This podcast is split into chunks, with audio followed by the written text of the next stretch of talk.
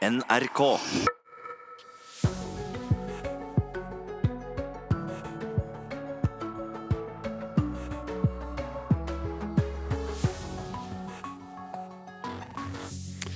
Kraftig vind og haglbyger nord i Hellas. Hagl på størrelse med appelsiner i Italia og rekordkald julimåned her i Norge. Er det klimaendringene vi ser nå, eller er det vanlig sommervær som kommer en gang iblant? Det er noe av det vi skal snakke om denne fine onsdagen her i Nyhetsmorgen. Og av andre saker vi mener du må vite litt om før du legger ut på dagen, det er at eh, vi skal snakke om fengslingsmøtet til mulla Krekar i dag. Vi får en jusprofessor på besøk som skal tegne og forklare for oss. Og hva slags eh, president for EU-kommisjonen blir nå en gang nyvalgte Ursula von der Leyen. Og, og hva gjør egentlig presidenten for EU-kommisjonen? Og hva tror du er det største problemet for to 16 år gamle budeier hvis sommerjobb ligger langt utenfor området med internettilgang? Ikke helt sikker på at det er det du skulle tro i utgangspunktet, men vi får vente og se. Kanskje er det bare jeg som er full av fordommer, og du som skjønner alt. Svaret får vi uansett før klokken slår halv åtte. Og Nyhetsmorgen i dag får du med Birger Kolsrud Jåsund i studio. Men vi begynner i USA, der altså Representantenes hus i natt har fordømt det de kaller president Donald Trumps rasistiske tvitring mot fire kvinnelige kongressrepresentanter. Jeg snakket med korrespondent i Washington Anders Magnus nå på morgenkvisten for å høre hva det var kongressmedlemmene egentlig stemte over. De stemte over en resolusjon som tok avstand fra de twittermeldingene som Trump hadde kommet med angående de som, det man kaller for the squad, eller det vi kan kalle firerbanden. Fire eh, nokså venstreorienterte kongressmedlemmer, alle sammen fargede, som eh, har vært i konflikt med ledelsen i eh, Det demokratiske partiet, altså leder for, for Representantenes hus, Nancy Pelosi. En konflikt som Trump utnyttet ved å tvitre ganske stygge og det de fleste mener er rasistiske meldinger om dem. Nå har de altså samlet partiet på en måte med, for, fordi man samlet har tatt avstand eh, fra det Trump kom med. Men samtidig så eksisterer jo denne konflikten innad i det demokratiske partiet, og den har man ikke løst ennå. Men uh, hvordan fordelte stemmene seg i Kongressen? Skal vi komme med et råtips og si at det fordelte seg sånn omtrent langs partilinjene som vanlig i USA for tiden? Ja, det gjorde det. Og det var bare fire av uh, representantene fra republikanerne som stemte for resolusjonen. Det jo, men det er jo samtidig også få som har aktivt støttet Trump i denne saken. Noen få kongressrepresentanter og senatorer har støttet Trump, men det er ikke mange. De fleste forsøker å holde seg så langt unna dette som mulig. Men de, de ser nok også i det republikanske partiet at dette egentlig er en god sak for presidenten. Fordi han nører opp under noe som er en veldig vanskelig splittelse innad i det demokratiske partiet. Vi må huske på at partiene i USA er jo ganske store. De omfatter fløyer. De er mye mer politisk omfattende enn norske partier. Så det vi kan si er at det vi ser nå innad i Det demokratiske partiet, er jo en konflikt mellom en fløy som oversatt til norsk politikk kanskje kan sies å tilhøre venstresiden i SV. Mens høyresiden i partiet kanskje er mer å ligne på Høyre i Norge. Så det er ganske store politiske forskjeller innad i Det demokratiske partiet som har kommet til uttrykk i, i denne debatten som var utgangspunktet for Trumps tvitring. Og, og, denne sårbarheten er det nå Trump utnytter for alt han kan. Men hvordan tolkes det i USA i dag at ikke flere republikanere stemte for denne resolusjonen? Det er det ingen som er overrasket over, fordi de fleste vet at det er valg ganske snart. Og de som legger seg ut med Trump, de har en tendens til å tape valgene. Så de fleste ønsker bare å holde en så lav profil som mulig. og ikke kommentere i det hele tatt. Og det gjør man eh, heller ikke innad i Det hvite hus. Det er få som ønsker å si noe om dette. Men samtidig så er det nok mange som mener at dette er en ganske effektiv strategi fra Trumps side.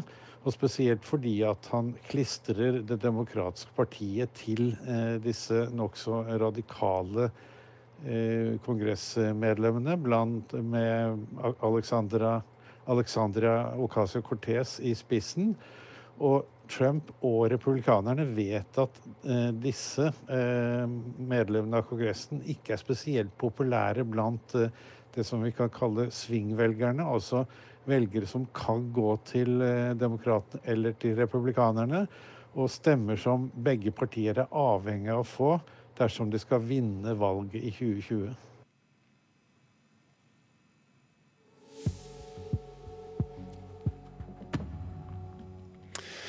I dag skal Najmudin Najmuddin Farah Ahmad, bedre kjent som mulla Krekar, fremstilles for varetektsfengsling i Oslo tingrett. og Det skjer etter at Politiets eh, eh, sikkerhetstjeneste pågrep Krekar mandag kveld. Islam kommer bare islam! Only islam! Islam kommer til dere! Mandag kveld ble Naimuddin Farah Ahmad, bedre kjent som mulla Krekar, pågrepet av Politiets sikkerhetstjeneste. Dette skjedde etter at han tidligere samme dag ble dømt til tolv års fengsel i Italia for terrorplanlegging.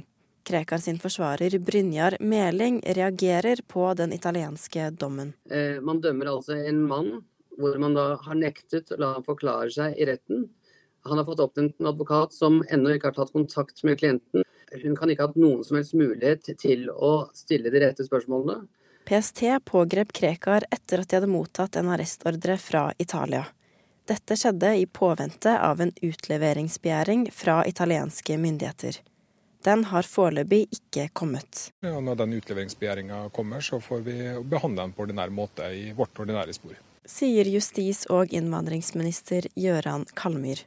Krekar har siden 2003 stått oppført på FNs terrorliste. Han er allerede utvist fra Norge pga. rikets sikkerhet, men befinner seg likevel fortsatt i landet. Problemet har vært de uavklarte politiske forholdene i Irak. Norge kan ikke sende en person til et land hvor vedkommende risikerer dødsstraff. I terrordommen som NRK har fått tilgang til, står det at Krekar skal sendes ut av Italia etter endt soning. Hvis det kommer en utleveringsbegjæring, eh, og da skal den gå i et ordinært spor, eh, sånn som alle andre saker om utlevering av utlendinger til, til utlandet. Eh, og så kommer den eventuelt til departementet hvis domstolene finner at vilkårene er til stede. Og så understreker jeg det at det er svært sjeldent at eh, Justisdepartementet har snudd i utleveringssaker eh, der domstolen har godkjent utlevering, og hvor det er snakk om utlevering til en annen europeisk stat som er medlem av Europarådet og EU. Krekar sin italienske advokat Enrica Franzini skriver i en mail til NRK at hun akkurat nå bare er opptatt av om, og i så fall når, Krekar kommer til Italia. I dag skal Krekar fremstilles for varetektsfengsling i Oslo tingrett. Det var det reporter Anna Lea Poppe som eh, sa. Jørgen Skjold, jusprofessor ved Universitetet i Oslo, god morgen. Ja, god morgen. Jeg er ikke professor, men stipendiat. Men uh, stipendiat er godt nok her hos oss. Men altså professor en gang i fremtiden. Ja. Fengslingsmøtet i dag, hva innebærer det egentlig? Du, det er rett og slett prosessen som, som man gjør i norsk straffeprosess når man ønsker å varetektsfengsle personer. Så skal de fremstilles for fengsling snarest mulig, og senest innen tre dager. Eh, nå ble Krekar pågrepet mandag kveld, mm -hmm. så, så, da må man ha fremstille for fengsling eh, inn, i morgen. Ja. Hva vil PST argumentere for? Det er litt vanskelig å vite. Så vidt jeg uh, har fått med meg, så har ikke de ønsket å kommentere noen ting rundt uh, saken før etter fengslingsmøtet. Så akkurat hva grunnlag de mener å ha for å varetektsfengsle det, det er ikke helt klart. Uh, så det blir jo er, det, er, det, er det noe som peker seg ut som man kan tenke seg til? Det man kanskje, det som kanskje er mest naturlig å tenke, er jo at det ville dreie seg om noen form for unndragelsesfare fra eh, straffeforfølgning, da, eller utlevering. da. Altså hvis man... At han rømmer, rett og slett? Ja, altså f.eks. at uh, hvis man uh, eh, tenker at her kommer det en utleveringsbegjæring, da, eh, og at man ønsker å sikre utlevering, da, så kunne det være et grunnlag. da, eh, At man ønsker å, å sikre gjennomføringen av den. da. Men akkurat konkret hva, hva det vil argumentere, det er jo vanskelig. og det var vel det som var Brynjar Melings uh, argument i går, at han mente at PST ville argumentere langs de linjene, da, altså unndragelsesfare. da. Uh. Og, og, i så fall, hva er motargumentene med det, hvis det er det eh, PST argumenterer for? Det som uh, vel ble anført i går på, i media av advokaten, var vel at her er det snakk om en person som de vet hvor oppholder seg, og som har vært under streng overvåkning i lang tid. da. Og At sånn sett det vil være vanskelig å unndra seg Eh, fra eh, utlevering. Da. Det er rett og slett vanskelig å se for seg at Krekar, som er såpass overvåket, skulle kunne klare å rømme uten at de så det? Eh, altså Det vil jo de hevde, ja. Mm. Eh, det vil jo være et argument. Eh, om det holder, det, det, det er jo en annen sak. Nei. La oss nå si da at, eh, at dette går sin gang, og et og resultatet er, og det er jo ikke gitt, eh, bare påpeke det, men resultatet, la oss si at resultatet er at han blir utlevert til Italia. Eh, så sier jo italieneren at, at han skal sendes ut av landet så, så snart dommen er sonet. Mm. Vil det da bety at han sendes tilbake til Norge, eller vil han sendes da til eh, f.eks. Irak? Det er veldig vanskelig å si, for det vil jo ligge mange år frem i tid. Men Altså Kort sagt så har han en dom på seg i Norge der han skal utvises fra landet. da. Eh, så formodentlig har han ikke noe legitim oppholdstillatelse hvis han forlater landet. da. Ikke sant? Så, så i den sammenheng vil det ikke nødvendigvis bli aktuelt å sende han tilbake til Norge hvis han først har forlatt landet. Da, da må han jo ha et alternativt grunnlag for oppholdstillatelse. Altså en rett til å komme tilbake til Norge. da. Mm. Eh, for han er jo dømt til å skulle utvises fra, fra, fra Norge. da. Har du noe annet om hvor lang tid denne rettsprosessen kan ta? Han har jo vært igjennom eh, mer eller mindre tilsvarende prosess når det gjelder utlevering før. Eh, da tok det vel ca. ett år fra begjæringen kom fra Italia til endelig avgjørelse i Høyesterett. Eh, og så ble jo den begjæringen trukket fra Italia da, etter endelig avgjørelse i Høyesterett. Eh, så man kom jo på en måte ikke helt til sluttstreken i prosessen, som ville være en endelig beslutning fra Justisdepartementet. Mm. Eh, men eh, at det kan ta noenlunde samme tid, altså ca. et år, det, det tror jeg ikke man skal utelukke. Ok. Jørgen Skjold, eh, stipendiat ved Universitetet i Oslo, takk for at du var med oss her i eh, Nyhetsmorgen. Tusen takk skal du ha.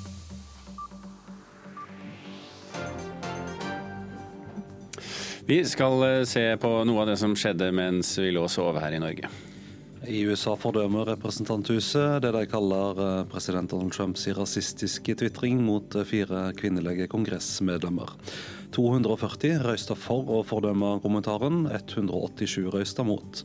Fire republikanere røysta for. I resolusjonen heter det at de rasistiske kommentarene legitimerer og øker frykta og hatet mot nye amerikanere og farger. En mann i 20-årene er fløyet til St. Olavs hospital i Trondheim med luftambulanse etter en mopedulykke ved Måndalen i Møre og Romsdal. Mopedisten har fått hodeskade, men er eh, ikke alvorlig skadd. Politiet fikk melding om ulykken rett etter midnatt, og luftambulansen var på plass ikke så lenge etter. Ulykken skjedde på en liten grusvei. Flere ble evakuerte fra heimene sine da tre biler brann i Langesund i Telemark i natt. Nødetatene fikk melding om brannen ved halv to-tida. Brannvesenet fikk raskt kontroll på brannen. Ingen ble skadde, og politiet undersøker hva årsaken kan være. Her er noe av det vi forventer å høre mer om eh, i NRK Nyheter i løpet av dagen? Mulla Krekar, eller Najumuddin Faraj Ahmad som han egentlig heter, blir eh, framstilt for varetektsfengsling i Oslo tingrett i dag. Krekar ble arrestert av Politiets tryggingstjeneste natt til i går, etter å ha blitt dømt til eh, tolv år i fengsel for terrorplanlegging av en domstol i Italia. Og så har vi selvsagt eh, rettet øynene mot USA. Vi kommer til å rette øynene mot USA litt senere på dagen i dag, for i dag skal tidligere spesialetterforsket Robert Mueller forklare seg for justiskomiteen i Representantenes hus om sin rapport om forbindelsene mellom Donald Trump og Russland. Nå har jo Mueller eh, sagt tidligere at han ikke kommer til å komme med noe mer utenom det som står i rapporten han har skrevet, men vi venter at eh, forklaringa blir interessant uansett. Ursula von der Leyen blir valgt som EU-kommisjonens president et, ble valgt som EU-kommisjonens president etter en avstemning i EU-parlamentet. Hun overtar etter Jean-Claude Juncker fra 1.11 og blir den første kvinnelige presidenten i EU-kommisjonen. Og også første tysker for øvrig, på over 50 år, med EUs aller gjeveste toppjobb. Øystein Langberg i Aftenposten, god morgen. God morgen kommisjonspresident for oss uinnvidde. Hva, hva er det egentlig den rollen hun er valgt til? Nei, Man må kunne si at von der Leyen får en av de mektigste jobbene i EU-parlamentet. EU-kommisjonen er jo EUs utøvende organ, eller man kan kalle det en slags regjering. Og hun skal altså da lede denne regjeringen. Mm. Og alt som vedtas i EU-systemet av lover og regler og direktiver, har sitt utspring. De lages i, i EU-kommisjonen. Og så kan også EU-kommisjonen EU gjøre en del egne vedtak. Når de gir Google og Facebook bøter f.eks., så er det liksom, EU-kommisjonens egen myndighet de bruker til å vedta de tingene. Uh, von der Leyen, uh, vi kjenner henne jo uh, litt. Sjubarnsmor, karrierepolitiker. Men hvordan vil du beskrive henne? Ja, det er som du sier, altså Hun er fra Tyskland, 60 år, og man må kunne si at hun har en imponerende bakgrunn. Hun er lege, og så snakker hun både tysk og fransk og engelsk flytende, i hvert fall. Hun snakker flytende og med lite tysk aksent. Um, Ingen dårlig kombinasjon i denne stillingen? Nei, og det er veldig viktig i Brussel. I går holdt hun jo en tale i EU-parlamentet hvor hun vekslet veldig elegant mellom disse språkene. Det var tydelig at hun hun slappet av og kunne gjøre det enkelt. Og så var hun forsvarsminister i seks år og har sittet i regjering siden 2005. Så hun har sittet like lenge som Angela Merkel og er en veldig nær alliert av henne. Mm. Men til tross for alle disse eh, gode egenskapene, hun, hun var vel ikke førstevalget akkurat eh, for denne stillingen?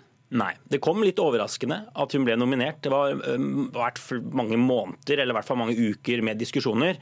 Og mange navn har blitt vært liksom i potten.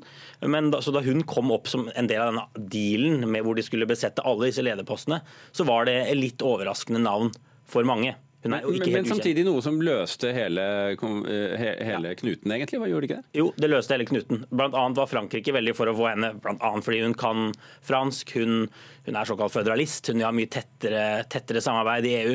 Så hun løste en del av de tingene da navnet hennes kom opp. Mm. Eh, men kritikk har det vært, og hva har den bestått i? Altså Som politikere som har vært så lenge i ilden som henne, så har hun fått en god del riper i lakken. Eh, det snakkes aller mest om at hun som forsvarsminister ikke har gjort en veldig god jobb med å få det tyske forsvaret opp å stå i den stand det burde være. Og I tillegg har det vært en del andre sånn, mindre skandaler, så hun er ikke veldig populær i Tyskland nå. Mange regnet henne jo en dame som var på vei på måte ut av politikken, og så plutselig får hun denne toppjobben. Mm. Er, er, du spent på hvordan det kommer til å gå? Ja, det, det, er spennende å se hvordan det kommer til å gå. Men ja. Øystein Langberg i Aftenposten, takk for at du var med oss her i Nyhetsmorgen.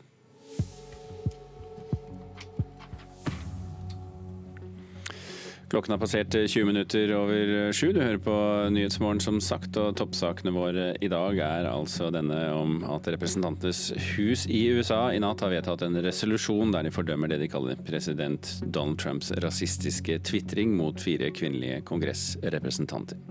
Mulla Krekar fremstilles for varetektsfengsling i dag, og han kan bli utlevert til Italia, der han er dømt for eh, terrorplanlegging.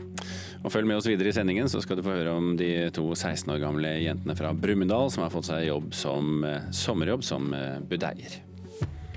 Om du tror mangelen på sosiale medier er det som utgjør det største problemet for jentene uten mobildekning, så har du noen minutter på å gjette en gang til. Vi skal snakke om det rare sommerværet først. Flere steder i Sør-Europa har jo blitt rammet av ekstremvær den siste tiden. Blant annet har det vært kraftig vind og haglbyger nord i Hellas. I Italia har det kommet hagl på størrelse med appelsiner. Og her hjemme har det vært vekslende vær, må vi kunne si. Med både lyn og torden og ikke minst rekordkald juli måned kaldeste siden 1964, så vidt vi har klart å finne oss frem til. Forsker Marianne Tronstad Lund i Cicero senter for klimaforskning, velkommen til Nyhetsmorgen. Takk. Vi blir jo ofte litt sånn nærsynte, og vi husker nesten kun været fra sommeren i fjor. Er det vi opplever nå innenfor normalen? På stort sett alle plasser i verden så er det vi opplever av vær veldig variabelt. Vi har fra dag til dag store variasjoner, og vi har fra sesong til sesong. Så noen somre er varmere, noen er kaldere, noen er våtere, noen er tørrere. Eh, når det er sagt, så er det jo sånn at vi stadig nå opplever måte, overraskende vær. Vi blir liksom litt tatt på senga av hvor varmt det blir, hvor vått det blir, eh, hvor mye vind det blir osv. Så, videre. så det er jo klart at her skjer det et eller annet som gjør at vi stadig liksom lar oss overraske da, av hvor ekstremt eh, ekstremværet blir. Og, og, det er jo i tråd med, med, det vi forventer nå ved at eh, klimaendringene på en måte skyver oss utenfor det som er normalt for oss. Ja, Er det klimaendringer vi snakker om? Vi eh, vet jo at verden har blitt en grad varmere. Eh, og vi vet jo at mange av disse ekstreme værtypene som vi ser, forventes å endres med global oppvarming. Og vi begynner å se det så smått, liksom i særlig dette med hetebølger eh, og ekstrem nedbør. Hvor vi allerede nå observerer at hetebølgene kommer hyppigere. De blir enda varmere når de først kommer. Og, påvirker oss mye mer. og Det samme gjelder ekstrem nedbør. Så er det andre ting, f.eks. dette med hagl eller med orkaner. Hvor vi rett og slett ikke har en lang nok tidsperiode til å ennå kunne si om det faktisk har endra seg. For dette her er ting som er sjeldent fra før. Men at det er i tråd med en varmere klode, det er helt klart. Men vi har jo eh, blitt advart mot dette i årevis. og det var jo vel på, Så vidt jeg husker, liksom på slutten av 80-tallet vi begynte å snakke om at det kom til å bli varmere, mer vått, eh, mindre fine somre osv. Så, videre. Eh, så er det egentlig overraskende? Nei, Det er jo ikke det for de som har jobba med å gjøre dette klart og, og få fram den forskningen eh, over veldig lang tid. Og det er jo ikke noe nytt at verken, våre, altså verken det at våre drivhusgassutslipp eh, øker, eller at det blir varmere, er noe nytt. Men det er nå vi begynner tror jeg, å virkelig merke det. Altså Nå er vi kommet allerede dit hvor vi, vi, ser, observerer endringene, og da kommer de mye tettere på også. Men det er klart at eh, overraskende for, for forskerne og for mange, det er det jo ikke. Og, og, og, hva kan vi forvente oss da i årene som kommer, hvis dette er en, en rød tråd i det som skjer? Mm. Det kommer veldig an på hva vi klarer å gjøre med utslippene våre nå, så klart. Nå jobber vi jo mot eh, Parisavtalen og skal kutte utslipp. Hvis vi ikke greier det, så er det jo at vi regner med at vi kommer til å stadig oppleve mer av dette dette og, og, ta de konsekvensene som det får på samfunnet. For det gjør det jo. Ekstremvær er jo noe av det som måtte, har de største konsekvensene og effektene på, på samfunnet vårt også. Og som kan bli veldig dyrt? Det blir ofte veldig dyrt, og ikke minst så tar det liv. Menneskeliv. Okay. Marianne Tronstad Lund fra Cicero, takk for at du var med oss her i uh, Nyhetsmorgen. Vi skal uh, til uh, eh, Gammelsetra i Folldal. For det er to 16 år gamle jenter fra Brumunddal de har fått eh, sommerjobb som eh, budeier. En budeie det er jo en som har i oppgave å fòre og stelle og melke husdyr på en gård, eller altså i dette tilfellet en eh, seter. Og disse to de har stelt 32 eh, kyr eh, to ganger daglig. Og på Gammelsetra så må de være da helt uten internett. Eh, de har ikke strøm. Eh, og så har de veldig dårlig dekning på mobiltelefonen sin, og det er jo et problem, selvfølgelig. Men kanskje ikke på den måten du tenker når du tenker på to 16 år gamle jenter uten internett. Shira! Hei! Hei, Shira. Kom, da. Opp og stå. Nå er det tid for å mjølkes. Malin Nagel og Mia Sveen Nymoen fra Brumunddal har valgt en litt annen sommerjobb enn andre. De to 16-åringene jobber begge som budeier på Gammelsetra i Grimsbu i Folldal, og har 32 kuer å melke to ganger daglig. Nei, Det å være budeie er veldig spennende. Det er alltid nye arbeidsoppgaver hver dag. Og ja, vi får et godt forhold med dyrene, og vi får eh, knytta mer bånd med vi som er oppå her hverandre også, fordi eh, det blir en litt annen hverdag. Eh, vi får eh, f.eks.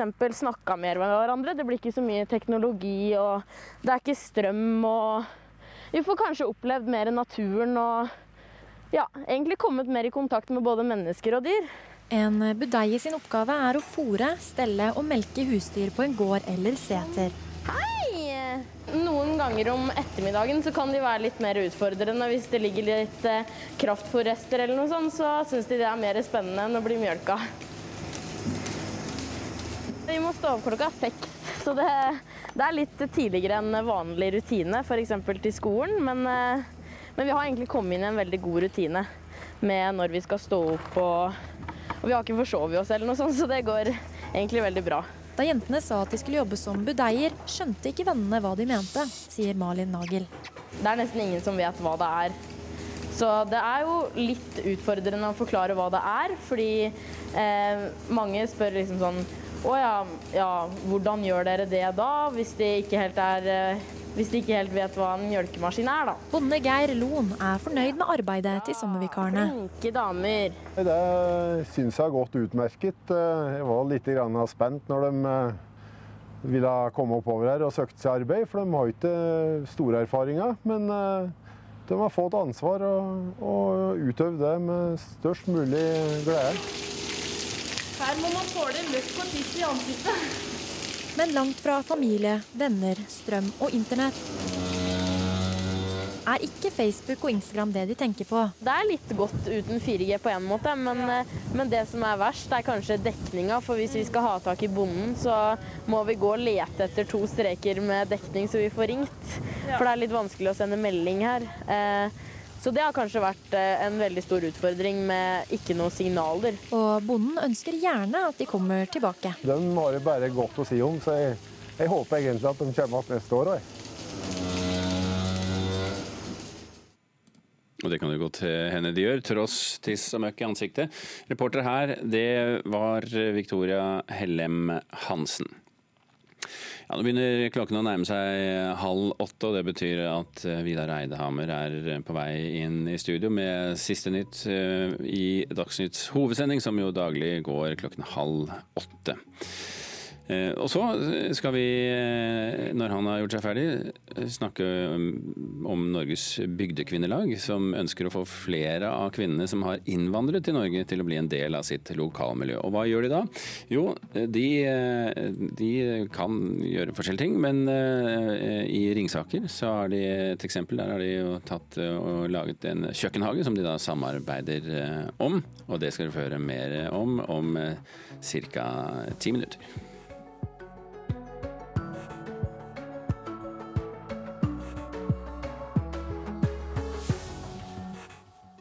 Studio 2. Ti over tre på natta 17. juli ga endelig det unge hjertet opp.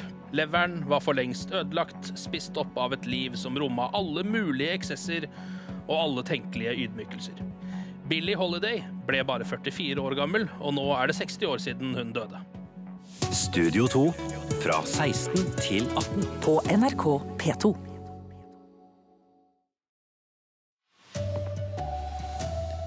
Donald Trump sin kommentar om fire kongresskvinner blir fordømt av representanthuset som rasistisk. Regjeringa bryter med stortingsvedtak i klimapolitikken, mener SV. Ny gang- og sykkelvei i Bergen blir tre kilometer lang, og der hyrer en psykolog i arbeidet for å sikre at folk skal tørre å bruke den. Her er NRK Dagsnytt klokka 7.30. I USA vedtok i natt representanthuset i Kongressen en resolusjon som fordømmer president Donald Trump sin kommentar om fire kongresskvinner med minoritetsbakgrunn. Alle fire er for Det demokratiske partiet. Tre av dem er fødte i USA. These comments from the White House are disgraceful and disgusting, and the comments are racist. Kommentarene fra Det hvite hus er skammelige og motbydelige, og de er rasistiske. Det fastslo majoritetslederen i Representantenes hus Nancy Pelosi fra Det demokratiske partiet før avstemningen i natt. Da avstemningen var over, viste det seg at et klart flertall mener Trumps angrep på fire minoritetskvinner i Kongressen er rasistisk og må fordømmes. 240 stemte for, 187 imot. Også fire partifeller av presidenten stemte for fordømmelsen.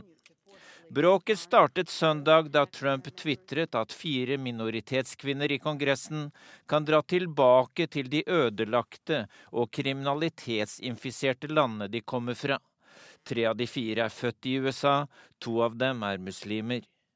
Det verbale angrepet ble først fordømt av demokratene. I går kom også flere republikanere på banen og ba presidenten komme med en unnskyldning. I stedet gjentok han budskapet sitt. As far as I'm concerned, if you hate our country, if you're not happy here, you can leave. Det er en skam at presidenten forsvarer det han sa, fortsatte Nancy Pelosi. De fleste republikanerne forsvarte presidenten og mener han ikke er rasist. Selv sier Trump at han ikke har et eneste rasistisk bein i kroppen. Reporter Dag Bredvei. Najumuddin Faraj Ahmad, kjent som mulla Krekar, blir framstilt for varetektsfengsling i Oslo tingrett i dag. Krekar ble arrestert av Politiets tryggingstjeneste natt til i går, etter å ha blitt dømt til tolv år i fengsel for terrorplanlegging av en domstol i Italia. Stipendiat Jørgen Sørgaard Skjold ved Institutt for offentlig rett sier det ikke er sikkert at Krekar får komme tilbake til Norge etter soning av en eventuell dom. Det er veldig vanskelig å si, for det vil jo ligge mange år frem i tid. Men Altså Kort sagt så har han en dom på seg i Norge der han skal utvises fra landet. Eh, så formodentlig har han ikke noe legitim oppholdstillatelse hvis han forlater landet. da. Ikke sant? Så, så i den sammenheng vil det ikke nødvendigvis bli aktuelt å sende han tilbake til Norge hvis han først har forlatt landet. Da, da må han jo ha et alternativt grunnlag for oppholdstillatelse. Altså en rett til å komme tilbake til Norge. da. Mm. Eh, for han er jo eh, dømt og skulle utvises fra, fra, Norge, fra Norge. da. Stipendiat Jørgen Sørgaard Skjold. Regjeringa sin eh, klimapolitikk for transportsektoren bryter med vedtak gjort i Stortinget. Det mener eh, stortingsrepresentant for Sosialistisk Venstreparti Lars Haltbrekken. Han har eh, finlest tre handlingsplaner for reduksjon av klimagassutslipp i transportbransjen, og er ikke nøyd. Dette er en klar svekkelse av norsk klimapolitikk og et brudd med det Stortinget har vedtatt. SVs Lars Haltbrekken er tydelig i beskjeden til regjeringen etter å ha gjennomgått deres klimapolitikk. Han mener regjeringen nå bryter Stortingets vedtak om at man skal bruke lav- og nullutslippsteknologi for nye ferjer og hurtigbåter i Norge. Det regjeringa nå sier i den ene strategien de har lagt fram, er at de vil vurdere å stille krav. Man skal altså ikke stille krav, men man skal vurdere om man en eller annen gang skal gjøre det. Uttalelsen kommer på bakgrunn av at Haltbrekken nå har gjennomgått tre handlingsplaner regjeringen har lagt frem for å redusere klimagassutslipp i transportsektoren. Og der er det 55 ulike ting eh, som regjeringa sier de eh, skal gjøre, men det aller meste av dette er eh, ting regjeringa sier de skal vurdere å gjøre en eller annen gang i framtida. Klima- og miljøminister Ola Elvestuen er mildt sagt ikke enig i analysen. Han tar feil. Ifølge Elvestuen gjennomfører regjeringen Stortingets vedtak og sier det stilles krav i anbudene, samtidig som de mottar støtteordninger fra ulike fond. Hvis vi skulle følge Haltbrekkens forslag, så ville fylker og kommuner måtte ta hele utgiften selv. Stiller du bare et enkelt, tydelig krav, så vil du ikke kunne få bruke støtteordningene fra Enova og NOx-fondene. Det ville være ulovlig støtte. Så vi gjennomfører eh, ved hele virkemiddelapparatet. Reporter Einar Lone Bjørud. Har du vært gravid eller av en annen grunn eh, ikke har tatt de tre dosene av vaksiner som verner mot HPV-virus, må du nå betale sjøl. HPV-vaksiner verner bl.a. mot livmorhalskreft og var gratis før 1.7. Nå kan den koste opp mot 1500 kroner per dose og over 4000 kroner til sammen. Det bør gjøres unntak for de kring 40 000 kvinnene som mangler ei eller to doser, sier Tuva Moflag, som sitter i helse- og omsorgskomiteen på Stortinget for Arbeiderpartiet. Har man kommet inn i, i, programmet, så bør man kunne fullføre det. Særlig når man av medisinske årsaker, som f.eks. en graviditet, ikke har hatt muligheten til å gjennomføre det innen fristen den samfunnsøkonomiske kostnaden ved å få et krefttilfelle i stedet er så mye høyere, eh, så vi mener at dette bør kvinner få, få fullført programmet sitt på. Hvert år får 2500 norske heimer veggedyr. Dersom du vil unngå å få de blodsugende krypa inn i heimen, er det enkle grep du kan gjøre når du reiser. Man får problemer med å sove, fordi man vet jo det er om natten når man skal sove at man blir bitt. Så, så det, er, det, er, en hel pakke med problemer som følger med um, aktivitet av veggdyr. Arne Neset i skadedyrfirmaet Rentokil har hørt mange historier fra folk som har fått med seg veggdyr i kofferten. Hvert år når folk kommer hjem fra ferie, venter han ekstra pågang og tar mellom 30 og 40 000 kroner per sanering. Men vil du slippe å få veggdyreksperten på hjemmebesøk etter ferien, har han heldigvis noen enkle tips til deg som er på reise. Gjør en uh, liten kontroll av uh, det området som man skal sove i. Uh, det tar et halvt minutt, ett minutt. Sjekk madrass, sjekk kanter av madrassen rundt. Løft opp litt, se etter sorte prikker, som da er veggdyrekskrementer. Eller at man rett og slett ser blodflekker eh, på madrasser eller annet sengetøy. Hvis man kommer inn på hotellrom eller campinghytte og ser tydelige spor etter veggdyr, hva gjør man da? Hvis man ser synlige spor etter veggdyr, så for det første unngå å spre bagasje rundt i rommet. Eh, sørg for at, det er, eh, at man har koffert og bager under kontroll. Eh, og hvis sporene er så tydelige at her er man ikke i tvil, oppsøk da utleier eller resepsjon umiddelbart og gi klar beskjed om at her, her skal man ikke bo. Pål Rune Eklo i Gjensidige, reporter Vegard Vennli. Det blir eh, hyra inn psykolog i planlegginga av ny gang- og sykkeltunnel i Bergen. Tunnelen under Løvstakken blir nær tre kilometer lang. Både byrådet og utbyggeren vil sikre at folk kjenner seg trygge nok til å bruke tunnelen. Det er mulig jeg ville tenkt litt over det hvis jeg skulle brukt den på, på, kvelden. Og hvis jeg tenkte at det var lite folk som var ute og gikk. Men jeg tror kanskje ikke jeg ville gått så mye i den tunnelen uansett. Jeg tror jeg ville hatt sykkel. Heidi Bøhagen er ute på sykkeltur over Melkeplassen i Laksevåg i Bergen. Om noen år kan hun heller sykle en ny snarvei gjennom fjellet. Gang- og sykkeltunnelen som nå blir bygd under Løvstakken, blir den lengste i Europa. 2,9 km lang. Rømmingsvegen, som skal bygges i et parallelt løp, blir òg en gang- og sykkeltunnel. Utbyggerne har jobba grundig med at tunnelen skal oppleves som trygg å bruke, forteller Ole Wilhelm Mortensen i Bybanen utbygging. Det, det å finne gode, trygge, sikre løsninger på eh, gang- og sykkeltunnel eh, har vært en kjempeutfordring. Og vi har hatt med oss en psykolog inn som har på en måte vært og sett. For det, det handler veldig mye om eh, opplevd sikkerhet. Foran oss nå så ser vi byggegroper. Til venstre kommer banetunnelen ut. Prosjekteringsleder Arild Tveit ser utover byggeområdet i Lyshavnen i Fyllingsdalen. I selve gang- og sykkeltunnelen så har vi både mobilnett og vi har eh, nødtelefoner på hver 250 meter. I tillegg så blir det også videokamera som dekker hele tunnelen. Klimabyråd Julie Andersland fra Venstre er glad for tiltakene som er gjort. Jeg tror jo at folk kommer til å bruke den. Hvis man får mange til å bruke den, så vil det også gjøre at det oppleves som tryggere. sant? Julie Andersland til reporter Ida Yasin Andersen. Ansvarlig for sendinga Marianne Løkkevik. I studio Vidar Eidhammer.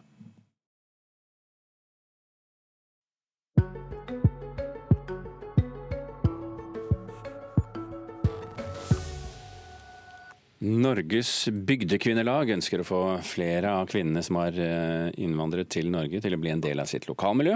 Prosjektet Kvinner ut har tatt forskjellig form rundt eh, om i landet, men i Ringsaker så har det blitt en to mål stor kjøkkenhage.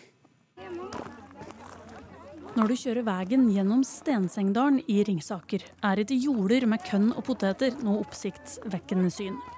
Men midt i en sving mellom elva og veien ligger en liten åkerlapp. Eller en beta, om du vil, som ser litt annerledes ut enn alle de andre. Ja, stor salat, løk, facelja. Ja. Bøndene på denne betaen, som betyr biten på Ringsaker-dialekt, skiller seg òg noe ut. For mens bøndene her omkring stort sett regjerer over mangfoldige mål, er det her to mål og 32 bønder med 15 forskjellige nasjonaliteter. Og alle er kvinner. Jeg har eh, løk.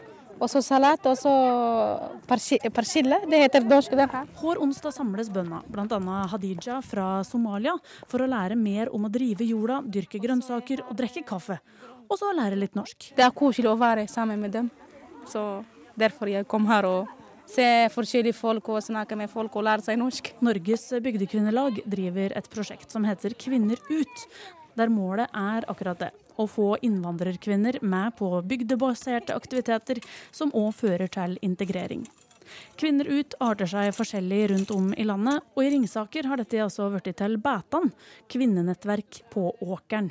Det sier leder i Ringsaker bygdekvinnelag, Inger Am. Vi fikk lov å låne den i åkerlappen, og da måtte vi jo gjøre noe. og Da var jo å dyrke grønnsaker ganske naturlig. Og så var det spørsmål om hvordan vi skulle få tak i disse damene, da.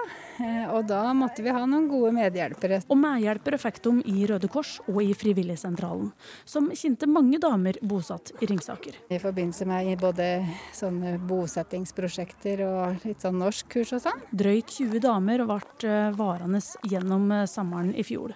I år er det 32 ivrige småbønder som har hår sin parsell på det to mål store jordet. Og sjøl om arealet er lite, så bugner det. Det er reddiker og gulrøtter og mais og bønner og salat og squash og tomater. Og så har vi et potetland. Og så har vi òg blomster. Vi vet jo alle at det er viktig med insekter, og da håper vi at når de kommer i blomst, at vi kan trekke til oss insekter og humler og sånne ting. En av dem som har behandla frøa sine godt, det er Mija, som kommer fra syrisk Kurdistan. Vi går ut og, og møter med mennesker og Ja, det er veldig gøy for, for oss. Ikke bare grønnsaker, men nye venner også? Ja, ja, jeg minner den også. Nye venner og nye mennesker. og Vi prater og snakker og drikker kaffe etterpå. Men det er gøy også å komme og møtes med venner. Det er veldig, veldig best for meg. Betan strekker seg med andre ord langt utover sine to mål, og alle som deltar sier det samme. At det er fint å kunne møtes og prate sammen og engasjere seg i et felles prosjekt som krever at du stiller opp. Jeg tenker på damer fra andre land. Fordi de har ikke jobb. Og så når de, de sitter hjemme og så de bare tenker på familie i Syria eller andre land. De har familie, de har problemer, og de bare tenker, sitter og tenker de har ikke jobb. Og så det er veldig bra for for dere å gå ut og, og møtes med mennesker og bra, prater og sånn. Det, det er, jeg synes det er veldig, veldig bra for oss. Og den som har det veldig bra med det, det var Tefor, og hun kommer fra Iran. Helle Therese Kongsrud var eh, reporter i denne saken.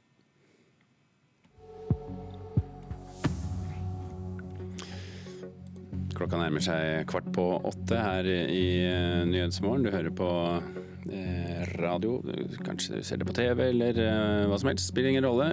I våre toppsaker er de samme åkke som. Representantenes hus har i natt vedtatt en resolusjon der de fordømmer det de kaller president Donald Trumps rasistiske tvitring mot fire kvinnelige kongressrepresentanter. Mulla Krekar fremstilles for varetektsfengsling i dag, og det betyr at han kan bli utlevert til Italia, der han er dømt for terrorplanlegging. Og nå må de kvinnene som ikke har rukket å ta HPV-vaksine, betale for den. Fristen for å ta den gratis gikk ut 1.7. Vi kommer tilbake til den eh, saken litt eh, senere i sendingen. Eh, det har eh, slått gnister mellom Høyres eh, Saida Begum og Fremskrittspartiets Carl I. Hagen i år. Fra talestolen på Oslo rådhus så gikk Høyres ordførerkandidat hardt ut mot Carl I. Hagen, som hun beskyldte for å ha sagt at hun ikke var norsk. Samtidig har hun stor tro på godt samarbeid mellom Frp og Høyre etter valget. I dagens Politiske sommerkvarter får du et større innblikk i kandidatens tanker om utspillet, om bompenger og om valget til høsten.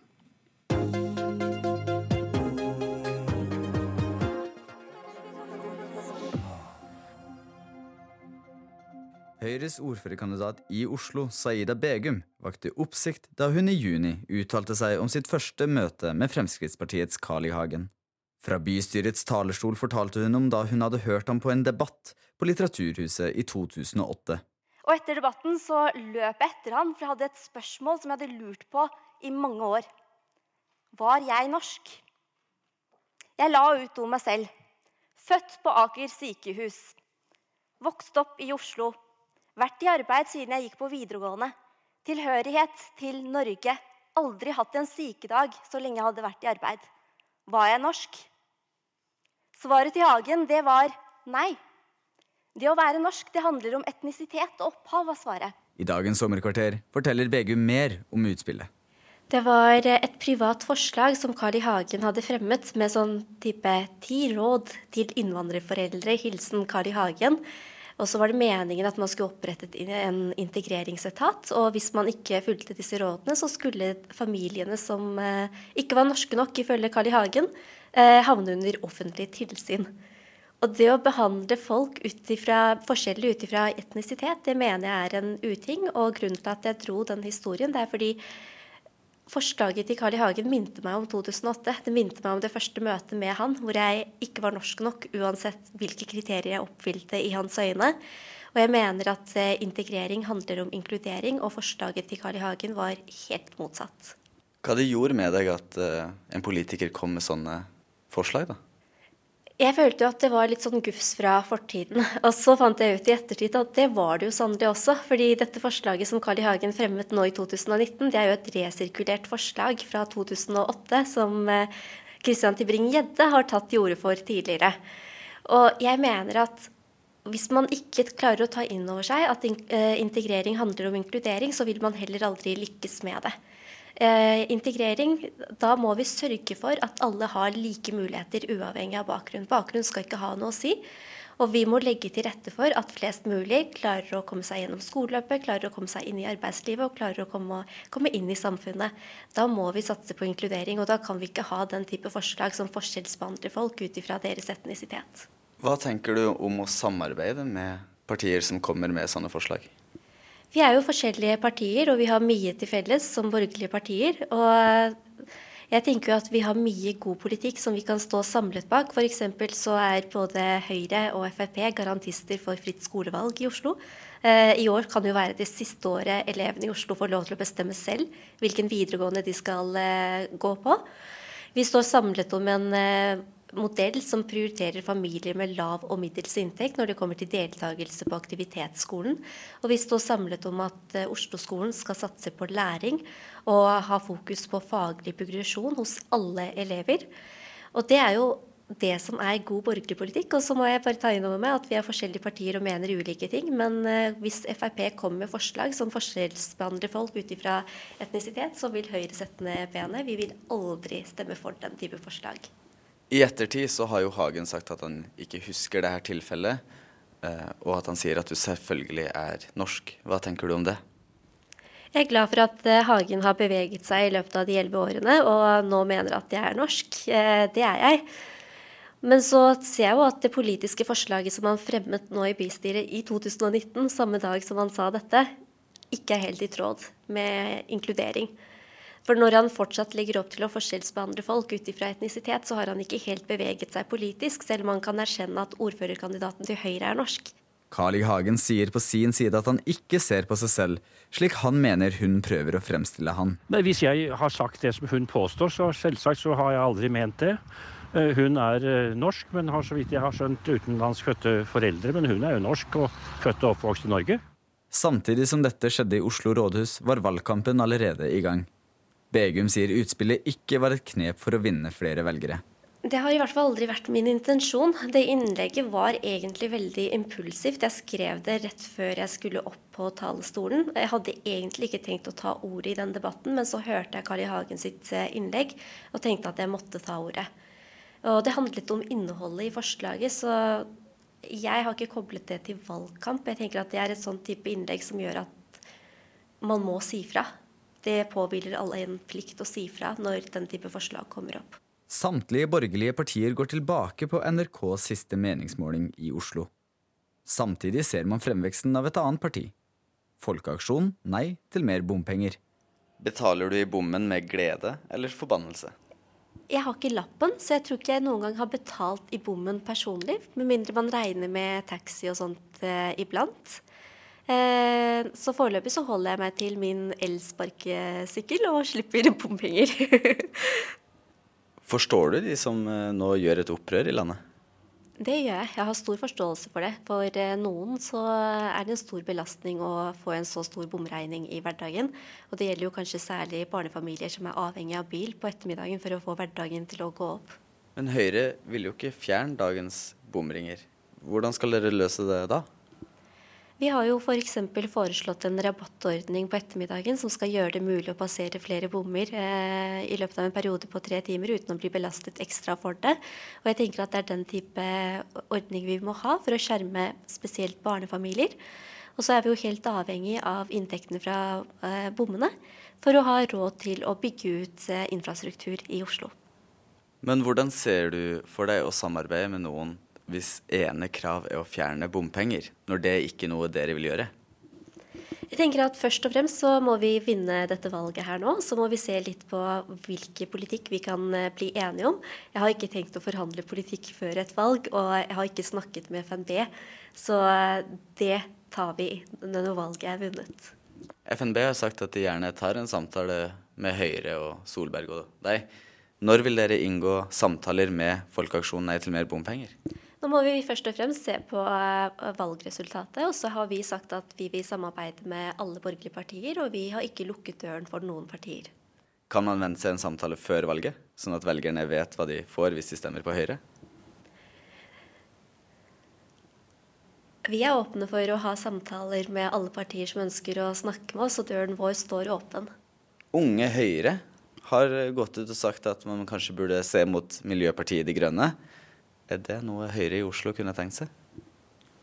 Det er unaturlig gitt at MDG i Oslo har lagt seg på en så utrolig sosialistisk linje i bystyret de siste fire årene. Vi vet at eh, MDG i Oslo har jo delegert bort skolepolitikken til SV. Og det betyr at eh, med MDG så får man jo ikke fritt skolevalg. Man får ikke en Oslo-skole som satser på læring. Man får ikke språkopplæring i barnehagene, slik at alle barn kan lære seg norsk før skolestart. Og de sier også nei til private velferdsinnovatører, både innenfor barnehage og innenfor eldreomsorg. Og det betyr at man får mindre mangfold og mindre valgfrihet. Og når det er politikken man får med MDG eh, med dagens situasjon, så føles jo et samarbeid for Høyre noe unaturlig, vil jeg si. Så dere vil heller samarbeide med Fremskrittspartiet enn med Miljøpartiet De Grønne? Vi har veldig god erfaring med å samarbeide med Fremskrittspartiet i Oslo. Det har vi gjort eh, i flere år tidligere, og det vil vi gjerne gjøre igjen. Tror du at Høyre kan sitte med både ordfører og byrådsleder? Ja, det kan vi. Det har vi også gjort i flere år tidligere. Med Fabian som ordfører og Stian som byrådsleder. Men med de meningsmålingene vi ser nå, så stiller dere jo ikke med de sterkeste korta. Høyre gjør det jo eh, bra eh, på meningsmålingene fortsatt. Vi er jo det største opposisjonspartiet i Oslo. Og så er jo målet at vi skal gjøre det enda bedre. Målet er jo at vi skal være på høyde med tidligere valg. Men før valget er det sommerferie, og den bruker Begum i Oslo. Kan du skildre for meg hva du gjør når du har det aller best om sommeren? Da er jeg i Oslo, eh, og sammen med folk jeg er glad i. Hva gjør dere? Så lenge man eh, har tid og folk man er glad i rundt seg, så er det ikke så veldig viktig hva man gjør. Det er jo eh, det i seg selv, eh, å kunne nyte en sommerdag med de man er glad i, som er lykke for meg. Det var eh, Saida Begum eh, du hørte her eh, i dagens sommerpolitiske sommerkvarter, og intervjuer her det var Einar Lone Bjørud. Og lyd du hørte her var hentes fra Oslo kommunes nettsider. Og så er det slik at du kan høre alle sommerportrettene våre som podkast, og det du gjør da er at du går inn og søker der hvor Politisk kvarter normalt ligger som podkast, og så kan du høre sommerportrettene når du vil. Så skal eh, vi til eh, en tekstmelding eh, som alle besøkende på engelsk og norsk får, som skal hindre villcamping og tilgrising av naturen i Lodalen i Sogn og Fjordane. For i fjor så opplevde folk i bygda at søppel og skit ble liggende under busker og kratt, og nå setter de altså i gang tiltak for at det ikke skal skje i år. Vi fikk jo problemstillingen eh, reist skikkelig eh, i fjor. Eh, og da var det jo basert på det som man populært kaller villcamping, også telting i, både på innmark og på utmark. Nå er det jo slik at friluftsloven og allemannsretten den er jo ganske sterk i Norge. Det sier ordfører i Stryn, Sven Flo. Allemannsretten gir alle rett til fri ferdsel og opphold i norsk natur. Men den har skapt trøbbel for kommunen, som nå må sende ut tekstmelding til turistene. Vi ser jo det at eh, informasjonen som har gått ut nå, uh, er tydeligvis ikke god nok. Det vi også har gjort i tillegg nå, det er jo at vi går ut nå med SMS-varsling til samtlige som kommer inn i dalen her, uavhengig om det er norsk eller utenlandsk. Og den går altså daglig for alle som beveger seg inn i området her. Grunneier Karin Sæten fortviler over villcampinga. I fjor så var her en 30-40 telt hver eneste dag i, i sommerhalvåret. Og um, vi fikk så mye tilbakemeldinger på fortvila folk fra bygda som ikke ville bruke plassen, for det var helt umulig å være her. Sæten er glad for at kommunen tok grep etter krisesommeren i fjor. Området rundt Breng er nå regulert. Stryn kommune de tok tak i det her og har omregulert området. Det er nå regulert som friluftsområde. Her er campingforbud. Hvis vi setter opp skilt, så plukker de dem ned, og så setter de opp telt. Og det er det som er. Jeg har ett telt, så kommer flere. Da bryr ikke de seg om å eh, respektere skiltene, eller for så vidt når skiltene er tatt vekk. Her kom opp skilt på fredag, og de er vekk. Mange vil nytte seg av allemannsretten, men respekterer ikke reglene i Lodalen. Eh, når vi snakker med folk, så sier de nei, de trodde det var lov her og ikke der. De misforsto, de hadde ikke fått det med seg. De, de, har mange forklaringer. Noen sier unnskyld med en gang og pakker, mens andre begynner å krangle. Og mm. sier at dette her er utmark, dette er allemannsretten. Det vi konstaterer, er jo at uh, respekten for skilt, den uh, er jo ikke her. Så har vi satt opp informasjonsskilt der borte som sier noe om hvilke restriksjoner som gjelder i området her. Og den har ikke folk forstått. Ordføreren innser at kommunen kanskje må gå hardere til verks. Vi er bare nødt for oss å ta det steget videre. Og hvis det medfører at vi må, eh, må bortvise og i ytterste konsekvens politianmelde, ja, så gjør vi det. Vill camping, er det et eh, stort problem i Norge? Ja, vi ser det er et økende problem mange steder. Sånn som i Lofoten og områdene rundt uh, kjente turistattraksjoner, så foregår det veldig mye camping. Og i Norge så er jo dette tillatt, så det er jo ikke så rart. Naturvernforbundet synes tekstmelding er en god idé når skilting ikke holder. Vi ser jo I Lofoten og andre steder så har de jo satt opp skilt, men det viser seg ofte at det ikke er tilstrekkelig. Men hva tiltak må en gjøre da for å hindre for mye forsøpling i naturen? Nei, Det første er jo at uh, turistselskapene, de som inviterer turister til Norge, at de tar et ansvar for å informere både om hvordan man skal gjøre av søpla si, eh, hvor det finnes toaletter og hvilke regler som gjelder. Det er kanskje det aller viktigste. Og så må man tenke seg om før man inviterer en rekke turister til et område, om området tåler belastningen. Men de folka som kjører opp i Lodalen, de får nå en SMS der det står at de må bruke campingplassene i området. Er det en grei nok løsning, eller bør turistene få bedre informasjon? Det er en fin løsning å sende SMS til folk som ankommer. Da vet du i hvert fall at det er kommet fram. Det er kjempeviktig å ta vare på nasjonalskattene våre og naturen vår. Um, og da må de som reklamerer, tenke seg om om vi har kapasitet til å ta imot alle turistene, og om naturen tåler det. Du hørte her Maren Esmark i Naturen, Naturvernforbundet, og reportere var Marita Solheim og Harald Kolseth. Nærmer seg en uh, nyhetsoppdatering fra Dagsnytt nå. Etterpå skal vi snakke om den nyinnspilte versjonen av 'Løvenes konge', og vi stiller det enkle spørsmålet er den noe særlig god? Det har vært litt uh, opp og ned uh, i anmelderiet rundt forbi. Hva vår anmelder syns, får du vite straks.